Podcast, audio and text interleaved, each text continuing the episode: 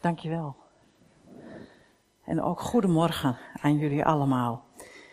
Wil je eens even om je heen kijken wie er naast je zit? En als je iemand ziet die je niet kent, maar ook als je hem wel kent, wil je hem even welkom heten. Fijn dat je er bent.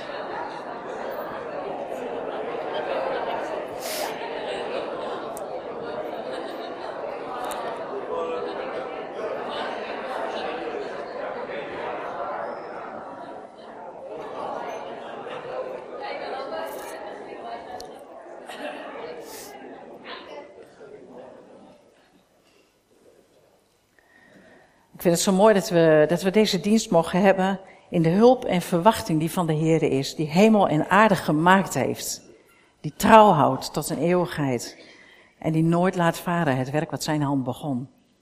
En dat we mogen weten dat genade en vrede voor ons allemaal is. En dat we zo ook deze dienst met elkaar mogen beleven. Laten we een moment bidden voordat we het woord gaan openen. Ja, Heere God, we willen bij u komen en u zo bedanken voor uw woord. Heer, u wilt ons bouwen. U hebt alleen maar het goede met ons voor. En u schrijft zulke fantastische dingen in die Bijbel voor ons neer. En ik wil u vragen, Vader, of u ons hart wil openen, zodat we de woorden kunnen horen, maar ze ook diep van binnen uh, mogen indrinken. Dat we ze mogen opeten, als het ware. En dat het ons mag voeden. Zodat als we zometeen de dienst uitgaan, dat we gewoon niet alleen enorm genoten hebben van het zingen, van het u prijzen, maar ook dat we mogen weten dat we zijn opgebouwd door uw woord. Dank u wel, Heilige Geest, dat u erbij bent, dat u in ons woont, dat u weet wat we nodig hebben. En dank u wel dat u ons daarin wil voorgaan. Amen. Ik wil twee gedeelten met jullie lezen, dit keer allebei uit het Nieuwe Testament. Normaal doe ik het eigenlijk altijd uit het Oude en het Nieuwe Testament, maar vandaag uh, wijk ik daarvan af. En het, uh, het eerste gedeelte wat ik wil lezen is uit 1 Korinthe 12. Dus als je een Bijbel hebt, pak hem erbij. 1 Korinthe 12, vers 12 tot 28. In sommige kerken heb je de kinderen uh, er ook nog even bij. En heb je de tijd om even wat met die kinderen te levelen. En als ze er nou bij waren geweest, dan zou ik ze hebben gevraagd van, joh, heb je wel eens wat gebroken in je leven? Een been of een arm of iets gekneusd of iets? En uh, en had je daar dan last van? En had dan alleen dat been daar last van, of had de rest daar ook last van? En had je omgeving daar misschien dan ook wel last van? En dan kunt u zich er vast wel wat bij voorstellen. Het gesprekje wat je dan kan krijgen met kids. En als je dan dat doortrekt naar de kerk, dan zijn een heleboel dingen eigenlijk niet zo ingewikkeld. En Paulus schrijft in 1 Korinthe 12, vers 12 tot, uh, tot 28. Een lichaam is een eenheid die uit veel delen bestaat. En ondanks hun veelheid vormen die delen samen één lichaam. En zo is het ook met het lichaam van Christus. Wij zijn alle gedoopt in één geest en daardoor één lichaam geworden. Wij zijn allen van één geest doordrenkt. Of we nou Joden zijn of Friezen. Of we nu slaven zijn of vrije mensen. Immers, een lichaam bestaat niet uit één deel, maar uit vele. Als de voet zou zeggen, ik ben geen hand, dus ik hoor niet bij het lichaam, hoort hij er dan werkelijk niet bij? En als het oor zou zeggen, ik ben geen oog, dus ik hoor niet bij het lichaam, hoort het er dan werkelijk niet bij? Als het hele lichaam oog zou zijn, waarmee zou het dan horen? En als het hele lichaam oor zou zijn, waarmee zou het dan ruiken?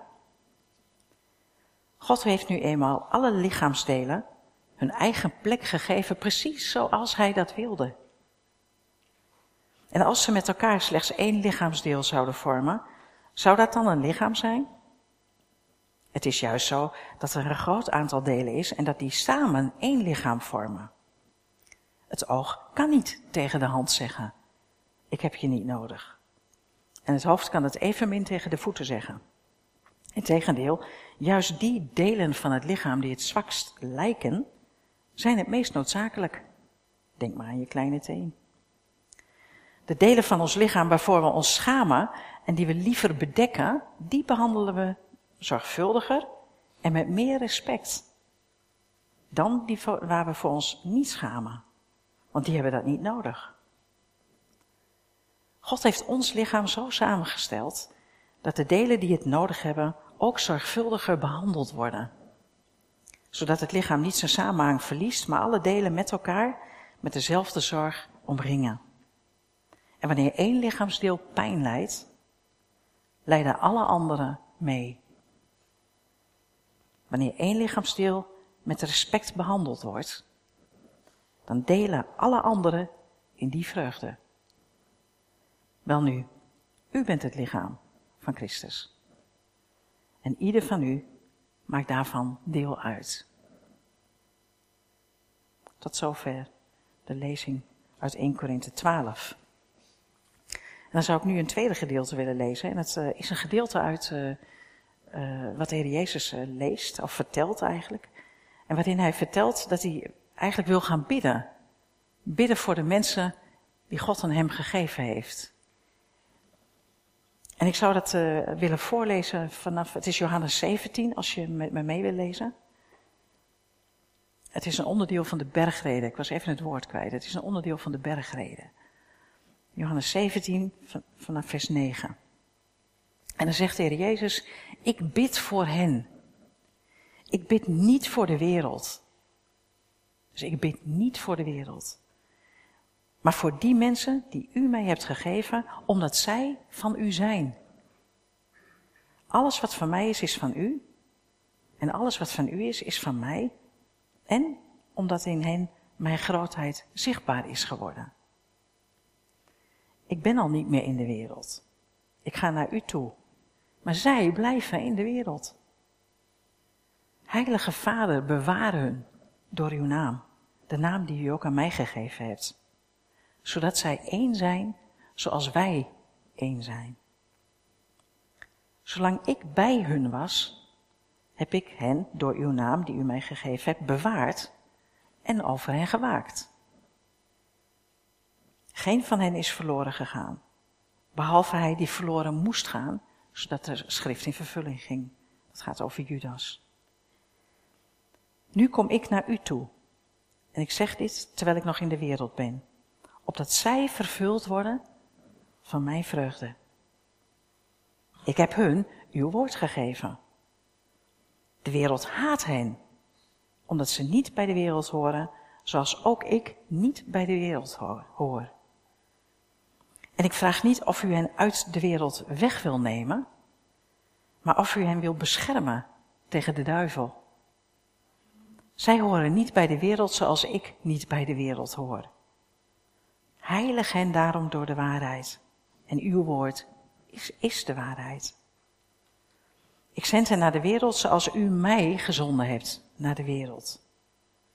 Ik heb mij geheiligd omwille van hen, en zo zullen ook zij door de waarheid geheiligd zijn. En ik bid niet alleen voor hen, maar ook voor allen die door hun verkondiging in mij geloven. Laat hen allen één zijn, Vader, zoals u in mij bent en ik in u.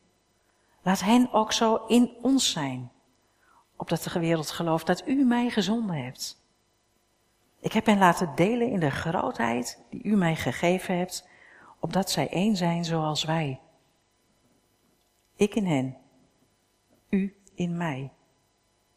En dan zullen ze volkomen één zijn. En dan zal de wereld begrijpen dat u mij hebt gezonden en dat u hen lief had, zoals u mij lief had.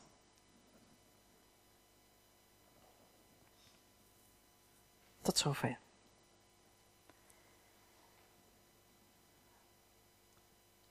Vandaag is het de, de, de, zondag van de ondergrondse van de leidende kerk. En voor de mensen die dat niet kennen, dan gaat het om uh, christenen, om medebroeders en medezusters, uh, die in landen wonen waar christen zijn of christen worden niet is toegestaan. Laat staan als christen leven. En een heleboel van de dingen die, we, die ik graag met jullie wilde delen, hebben we eigenlijk net ook gezongen. Het was net alsof het afgesproken was. Dat was het niet. Dat vind ik altijd heel mooi. Dat de Heer het dan zo leidt dat het zo prachtig bij elkaar past. Nou is het elke dag van, de, van het jaar een dag van iets. Hè? Ik weet niet of jullie dat ook soms merken. Alleen al deze week De zevende was het de Gilles de la Tourette dag. De achtste was het Wereld Oceanendag. De twaalfde Internationale Dag tegen de Kinderarbeid. De dertiende was het Wereld Albino Dag. De veertiende was het Bloeddonordag. En vandaag hebben we dan de Dag van de Ondergrondse Kerk. We doen dat eigenlijk niet elke zondag, dat we kijken naar de betekenis van een dag. Maar deze zondag wel. Maar waarom eigenlijk? Uh, is er niet heel veel ellende waarin we onze tijd en energie kunnen steken dichterbij? Hebben we niet eigenlijk gewoon genoeg aan de eigen kerk? hebben jullie niet genoeg gedoe? Hebben jullie niet genoeg aan onze eigen gemeente? Want er speelt zoveel. En in dat kader heb ik eigenlijk die twee gedeelten met jullie gelezen. Een gedeelte van Paulus en een gedeelte van de Heer Jezus. Paulus schreef naar de gemeente van de Corinthiërs. Grote stad, havenstad, wereldstad. En de Heer Jezus die tijdens de bergreden eigenlijk in een kleine kring zijn verhaal houdt. En in beide gaat het echt om de gemeente. Om de kerk, zo je wilt. En bij Paulus gaat het dan over functioneren en uitvoering. dat heb je gehoord, hè? handen, voeten, zijn, doen, vooral doen. En bij de Heer Jezus gaat het, uh, gaat het eigenlijk over het uitgangspunt. Over wie de gemeente is, over identiteit. En het gaat een stuk dieper. En laten we nou eens kijken wat we kunnen leren van die zorgzame en liefdevolle woorden van de Heer Jezus, die mij in ieder geval heel diep raken, omdat hij zo prachtig mooi de gemeente in een paar streken wegzet, schetst. En eigenlijk zien we drie zaken, dus het is een beetje een drie punten preek. Uh, de basis voor alles wat de Heer Jezus zegt, is zijn relatie met de Vader. Daar begint hij ook mee. Dus dat is het eerste waar ik het graag over wil hebben. Uh, het tweede, het gaat ook om ons. Het gaat om de gelovigen. De gelovigen die door God, de Vader, aan de Heer Jezus zijn gegeven. En het derde punt is dat het dus niet alleen hierover gaat, maar dat leidt tot iets, als het goed is. Of niet. En wat je daar dan verder mee doet, dat mag je dan zelf weten. Dat is dan ook altijd weer fijn. We gaan er samen doorheen. Wat zegt dit gedeelte nou eigenlijk over de relatie van de Heer Jezus met zijn Vader? Al helemaal in het begin geeft de Heer Jezus aan dat hij wil bidden, dat vind ik al alleen al heel mooi, hè? dat hij wil bidden voor de gelovigen. En hij bidt voor de mensen die God hem gegeven heeft. En dan zegt hij, want alles wat van u is, dat is van mij. En wat van mij is, is ook van u. Wij benaderen dat in de wereld bijna niet dichter dan behalve in een huwelijk misschien. Dat je weet dat wat van je man is, van jou is. En wat van jou is, is ook van jouw man. Maar meestal is dat al niet eens zo. Gaan we dat ook een beetje scheiden, want we willen wel ons eigen dingetje graag hebben. Hè? Dus je wil een eigen bankrekening en je wil een eigen ruimte en een eigen kamer en een eigen auto misschien zelfs. Gewoon iets dat het van jezelf is. Maar voor de Heer Jezus was dat niet zo. Hij zegt, alles wat van u is, is van mij en alles wat van mij is, dat is van u. En die gelovigen die u mij gegeven hebt, die waren dus al lang van de Vader, hè? Want ik kan niet iets weggeven wat niet van mij is, toch? Ik kan, ik kan moeilijk iets van, hè, van jou, van Lieselot weggeven en zeggen, kijk eens, dat is voor jou. Dan zegt ze net, wacht af, Lieselot zegt dan, wacht even, dit is van mij, hè? dat kun je niet zomaar weggeven. Met andere woorden, God had de gelovigen al. Die waren al van hem. En dat vinden sommige mensen echt lastig. Iemand vroeg aan mij van, ja, maar als ik dan christen word, ben ik dan niet meer van mezelf? Heb je daar wel eens over nagedacht eigenlijk? wanneer zijn wij van onszelf? Ik zie jou schudden. Nee? Want? Joh, we zijn, het is heel bijzonder. In de wereld is het heel normaal. Je maakt wat en dan is dat van de maker, hè? Dus je maakt een mens en dan is dat van jou. Nee, zeg maar, dat is, nee, ik ben van mezelf. Nee, de hele schepping. Alles wat er is, wat er gemaakt is. Ja, maar daar hebben wij ook ons aandeel in, zeggen we dan. En dat is ook zo. Maar het echte leven geven, dat kunnen we niet als mensen. Dus mijn uitgangspunt is van, joh, al die mensen die er zijn, die hier rondlopen op deze aardbol, die zijn eigenlijk allemaal al, die hebben allemaal maar één eigenaar en dat is God. Vraag ze alleen of je dat wil erkennen. Dat is een ander verhaal. Het is ook daarom belangrijk, omdat wij soms met onze kinderen omgaan alsof ze van ons zijn. Of met onze man omgaan alsof die van ons is. of met onze hele kerk omgaan, dat die van ons is. Maar het is niet zo. Dus alles is van God. Daar word je een stuk vrijer van. Daar hoef je niet zoveel te gaan sturen en bepalen en manipuleren. Hoeft allemaal niet. Het is allemaal van God. Heerlijk. Heer, het is allemaal van u. Ga je anders in het leven staan, I tell you.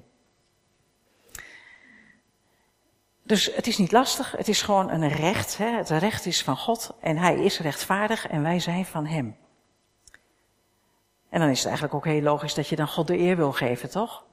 Want als je heel blij bent met je leven en je bent blij met jezelf, en je bent blij met wat God voor je gedaan heeft, dan ga je hem danken, en dan ga je hem loven, ga je hem prijzen. He, Psalm 50, laatste paar versen. Dat, dat, daar geniet van God, als we dankbaar zijn. Daar geniet God van, moet ik zeggen. als we dankbaar zijn en zien wat we zijn en krijgen van Hem. Nou, het moment dat Jezus dit bidt, van ik wil bidden voor de gelovigen die u aan mij gegeven hebt, dat is het moment dat hij zich realiseert, mijn taak zit er bijna op. Met zijn hoofd is hij al bijna niet meer op de aarde. Maar hij voelt zich wel verantwoordelijk voor die gelovigen, want die heeft hij gekregen van God. En daar, daar moet hij wat mee. Dat is die mooie bos bloemen, die heeft hij gekregen en daar wil hij wat mee. Maar hij weet, ik ga weg. En nu? Nu leunen al die discipelen nog op mij. Maar ja, ik ga weg. En dan? En wij zijn niet de discipelen. We zijn al jaren verder, zeg maar, eeuwen verder.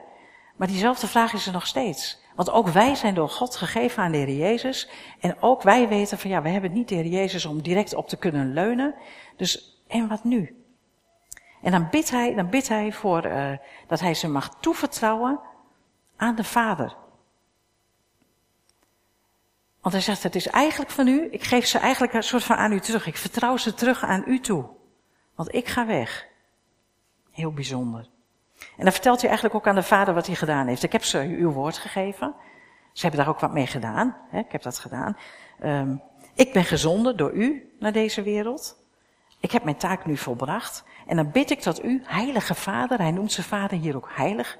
Gebeurt bijna niet in het Nieuwe Testament, alleen in het Oude Testament. ik bid u, heilige vader. God is de heilige die mensen kan heiligen en apart zetten. Hij is degene die de mensen echt kan beschermen. En tegelijkertijd zegt hij dat bijna, het is bijna mysterie, hè? dat hij zegt van ja, maar ik ben in u en u bent in mij. En ik kan me best voorstellen dat je zoiets zou kunnen denken van dit is zo lastig voor mij om te snappen, ik begrijp het bijna niet. Iemand vergeleken het is met een ei. Een ei, daar zit het eiwit in en het eigeel in en je zit een schilletje omheen. Het is allemaal samen die drie eenheid, maar ze hebben wel allemaal een andere functie. Maar het maakt wel samen dat ei. En als een van de drie wegvalt, heb je geen ei meer, hè? dan is er niks meer. Het zijn wonderlijke, mooie en troostrijke woorden, eigenlijk voor ons allemaal. Want we hebben te maken met een God die integer is, dus een God uit één stuk. Een God die met hetzelfde doel en verlangen bezig is. Die niet tegen zichzelf opstaat, hè, zoals je dat in sommige andere geloven ziet, dat goden elkaar bevechten. Maar hier spreekt Jezus heel duidelijk uit, nee, wij zijn één. We zijn samen één. We delen alles. We hebben niet een eigen territorium nodig.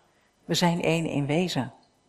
En ik vergelijk het wel eens als ik met, met mensen praat van, uh, je hebt uh, een manier van kijken, een zienswijze, en je hebt een zijnswijze, wie je bent. En Jezus zegt eigenlijk, we are one of a kind. De Vader en ik, wij zijn one of a kind. Eigenlijk bidt Jezus tot de gever van de mensen. Heilige Vader. Waarom nou die Heilige Vader? In het Oude Testament was het echt een thema, hè? Want de Joden dachten eigenlijk dat ze God een beetje naar hun hand konden zetten. En dan probeerden ze van alles te doen en dan liet God eigenlijk zien van nee, dit is niet wat ik wil. En dan greep hij weer in en dan liet hij eigenlijk zijn eigen grootheid en heiligheid weer zien. En ik vind het zo mooi dat dat niet alleen voor het Oude Testament is, blijkbaar. Want de Heer Jezus benadrukt hier dat het ook voor nu is. Heilige Vader, wilt u komen en wilt u ze bewaren? Dus het is niet alleen maar voor Israël, het is ook niet alleen voor de discipelen, het is ook niet alleen voor de apostelen, maar ook nog voor de gevolgen daarvan. En die zitten hier, hè? dat zijn wij. Eigenlijk zitten wij hier vanuit diezelfde lijn. En dat brengt dus ons automatisch eigenlijk naar het tweede punt. Dit gedeelte is voor ons geschreven. Wij kunnen er wat mee. We hebben de, uh, de Heer Jezus leren kennen door het getuigenis van mensen. Weet jij nog wie jou voor het eerst verteld heeft over de Heere God? Ja, ik zie wat mensen knikken, dat weet je nog. Hè? Dus er zijn mensen geweest die het jou verteld hebben. Die jou geraakt hebben, die jou geenthousiasmeerd hebben. Die jou misschien wel letterlijk zijn voorgegaan, hè, stappen gezet hebben voor jou uit, om het jou duidelijk te maken. En dan zegt de Heer Jezus, die datzelfde gedaan heeft voor zijn discipelen, die zegt van, joh, ik wil voor die mensen bidden. Realiseer je dat wel eens, dat, dat, dat we een Jezus hebben, een Heer hebben die voor ons bidt?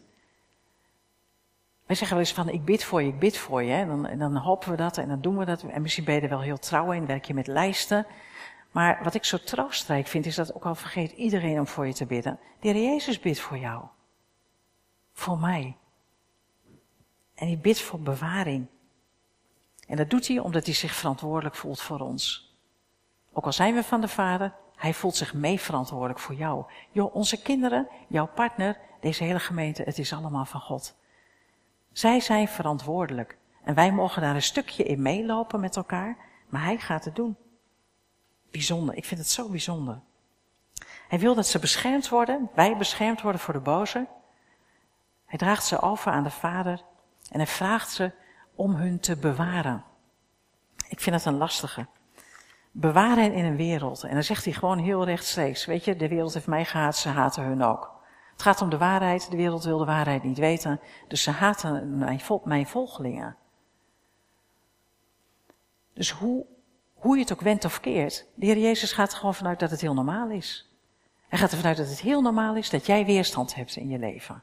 Dat het heel normaal is dat mensen een hekel aan je hebben. Niet om wat jij doet, niet om, zelfs niet om wat jij bent, behalve het feit dat jij de waarheid hebt aangenomen en een kind van God bent. En dat je alleen op grond daarvan al vette strijd kan krijgen. En dan zeg ik dat, wetend hoe wij hier leven, dus wat die strijd eigenlijk inhoudt, in vergelijking met de leidende kerk, waar hebben we het over? Kom ik zo nog even op terug. Maar de Heer Jezus zegt gewoon, dit is de werkelijkheid. Jongens, zoals je hier nu zit, het is werkelijkheid en realiteit. Je gaat strijd krijgen in je leven. Vandaag of morgen moet je niet, niet verbaasd van opkijken. Moet je niet denken, heer, wat gebeurt mij nou? Nee, hoort gewoon bij. Word je sterker van. Kom je dichter van bij God. Haalt het idee weg dat je het zelf wel kan. Los van God. En dan zou het zo leuk zijn als de Heer Jezus dan zei van, en haal hun als het heel moeilijk is, maar uit die wereld. Maar dat biedt hij niet. Dat biedt hij niet. En dat heb ik wel eens lastig gevonden hoor, mag u best weten. Dat hij zegt van, ik vraag niet of u hen uit de wereld weg wil nemen, maar of u hun wil beschermen tegen de duivel.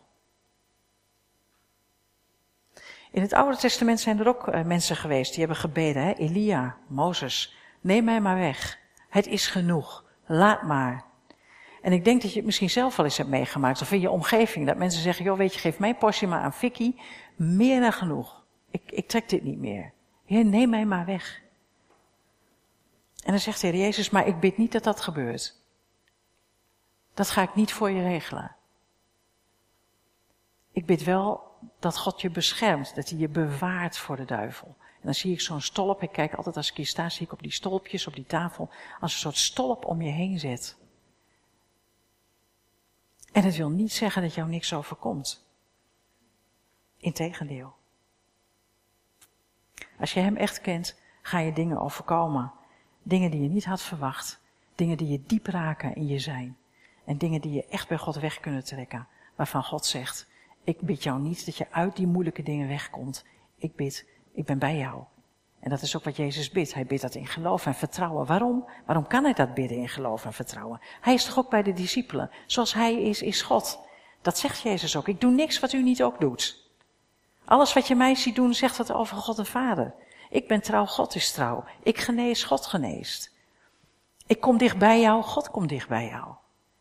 Het is one of a kind. Voor jou en voor mij. En dat is een enorme troost. God is erbij. Maar hij haalt je er niet uit weg. Soms wel, maar niet standaard. En dan bidt hij dat we bewaard mogen zijn in de naam van God, die God ook aan hem heeft gegeven. Met andere woorden, de Jezus gaat gewoon naast ons staan, joh.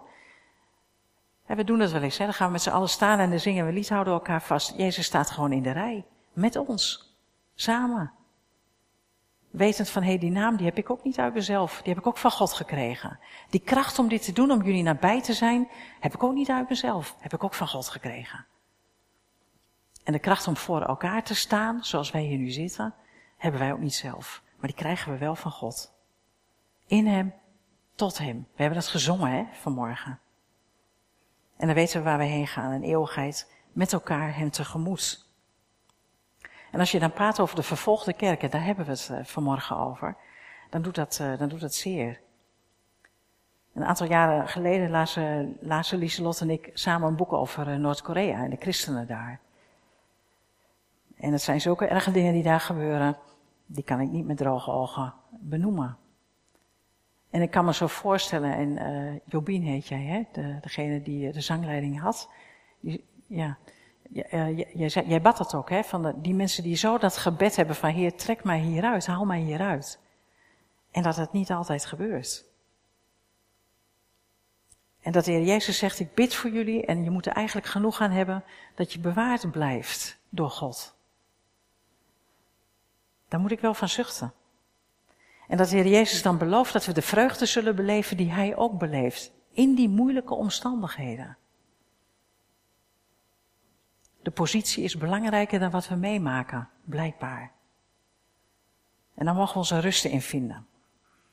Identiteit en integriteit in één, één zijn met Hem, want wij maken onderdeel uit van God. Dat zegt Hij eigenlijk.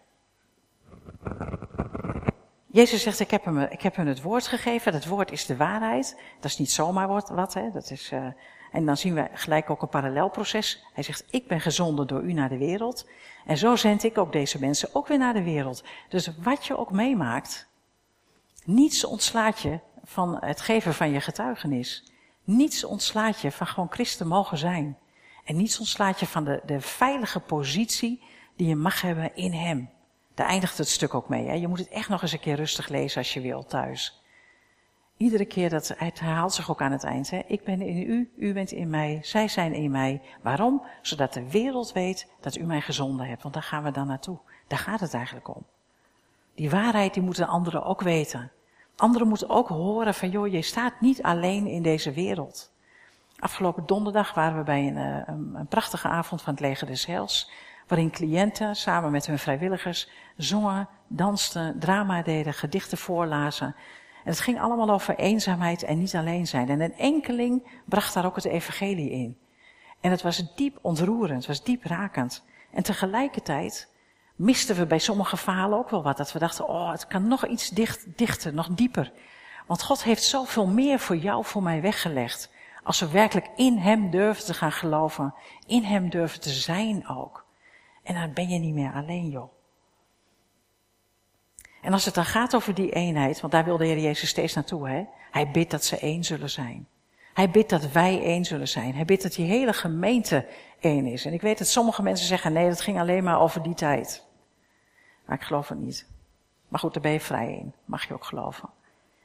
Ik denk dat het gaat over de hele gemeente. En dan gaat het niet over de gemeente, de plaatselijke kerk, hè, dat we alleen maar in een structuur gaan zitten.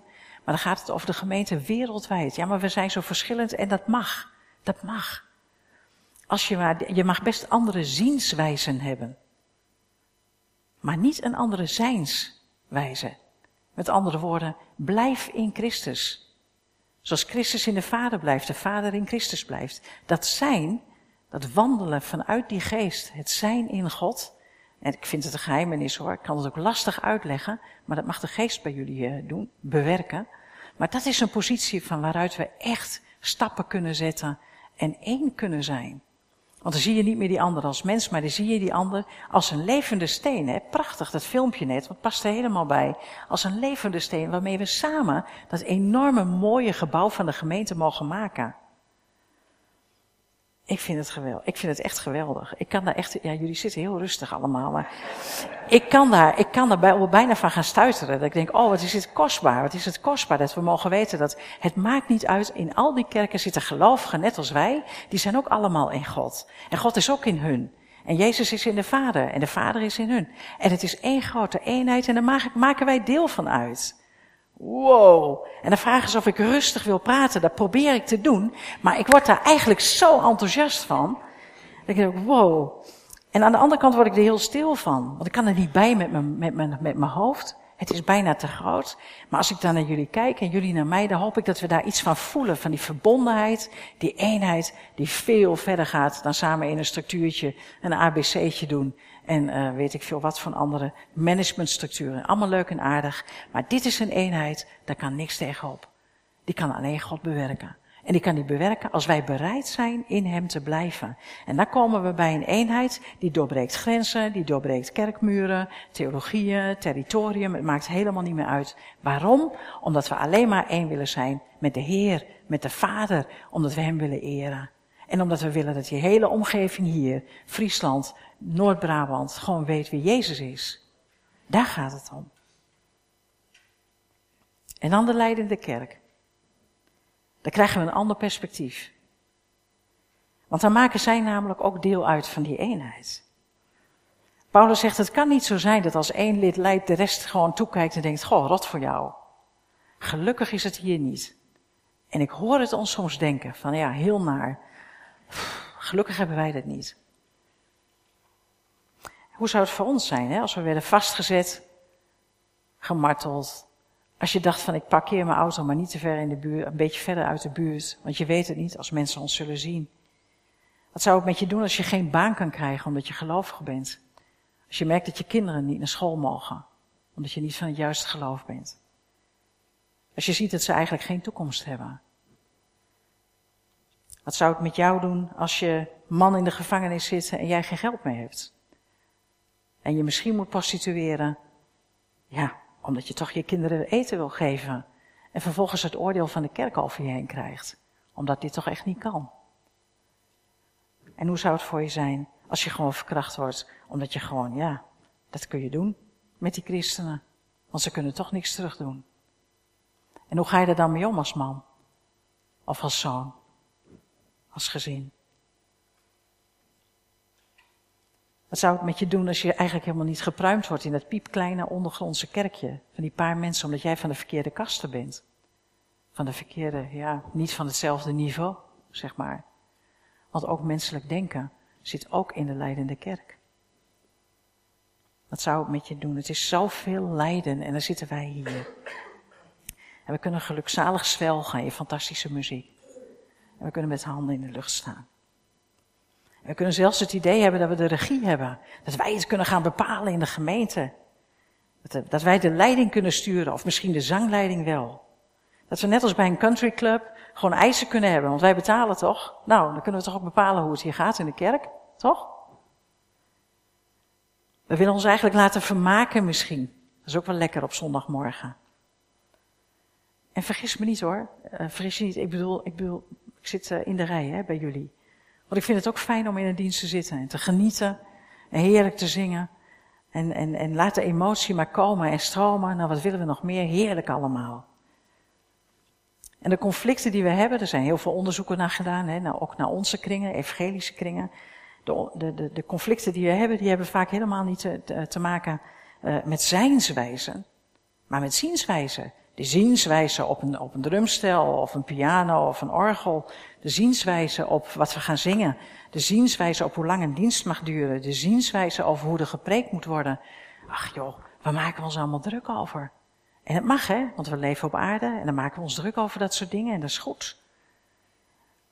En dan staan we ook nog bekend als uberkritisch hè, als Hollanders, Nederlanders. En Friesen zijn misschien iets minder kritisch, maar toch maar iets denk ik. En we hebben een kwaliteit om een ander filijn af te breken als wij het gevoel hebben dat er niet precies gebeurt wat wij willen. En dan stappen we eruit en dan gaan we stampvoeten. En dan zijn we soms net kleine kinderen in die gemeente, die dus in Christus is, in God de Vader is, ter ere van Hem. Zodat de wereld het weet. Daar is die eenheid voor bedoeld. Dat de mensen naar ons kijken en zeggen van, wow, dat is nou een groep, die houden elkaar vast, wat er ook gebeurt. En nee, ze zijn het niet allemaal met elkaar eens. Dat is heel raar. Ze zijn het niet allemaal met elkaar eens, maar ze laten elkaar niet vallen. Ze praten altijd positief over elkaar. En uiteindelijk hebben ze het eigenlijk alleen maar over God de Vader en over Jezus. Daar hebben ze het over. Joh, dat is het getuigenis van eenheid. Niet dat we allemaal in één kerkgebouw gaan zitten hoor, daar gaat het helemaal niet om. En dan die leidende kerk, die leidt echt. Die leidt stukken erger dan wij. Ik heb daar geen woorden voor. En hoe mooi het ook is dat we daar dan nu vandaag voor bidden. En misschien heb je de kaartjes gezien hè, op je stoelen, dat er nog op vrijdag een mogelijkheid is om ervoor te bidden. En misschien schrijf je wel eenmalig kaartjes en doe je eens een briefje. Het voelt voor mij toch een beetje als die, die broer van je, waar je nooit naar omkijkt, maar bij zijn verjaardag denkt, oh ja, en dan koop je een hele dure kaart. En dan ga je een hele dure kaart sturen. Maar voor de rest van het jaar boeit het je eigenlijk niks. Nou, Paulus zegt dat dat niet kan. Hij zegt dat bestaat niet. Want we hebben elkaar nodig.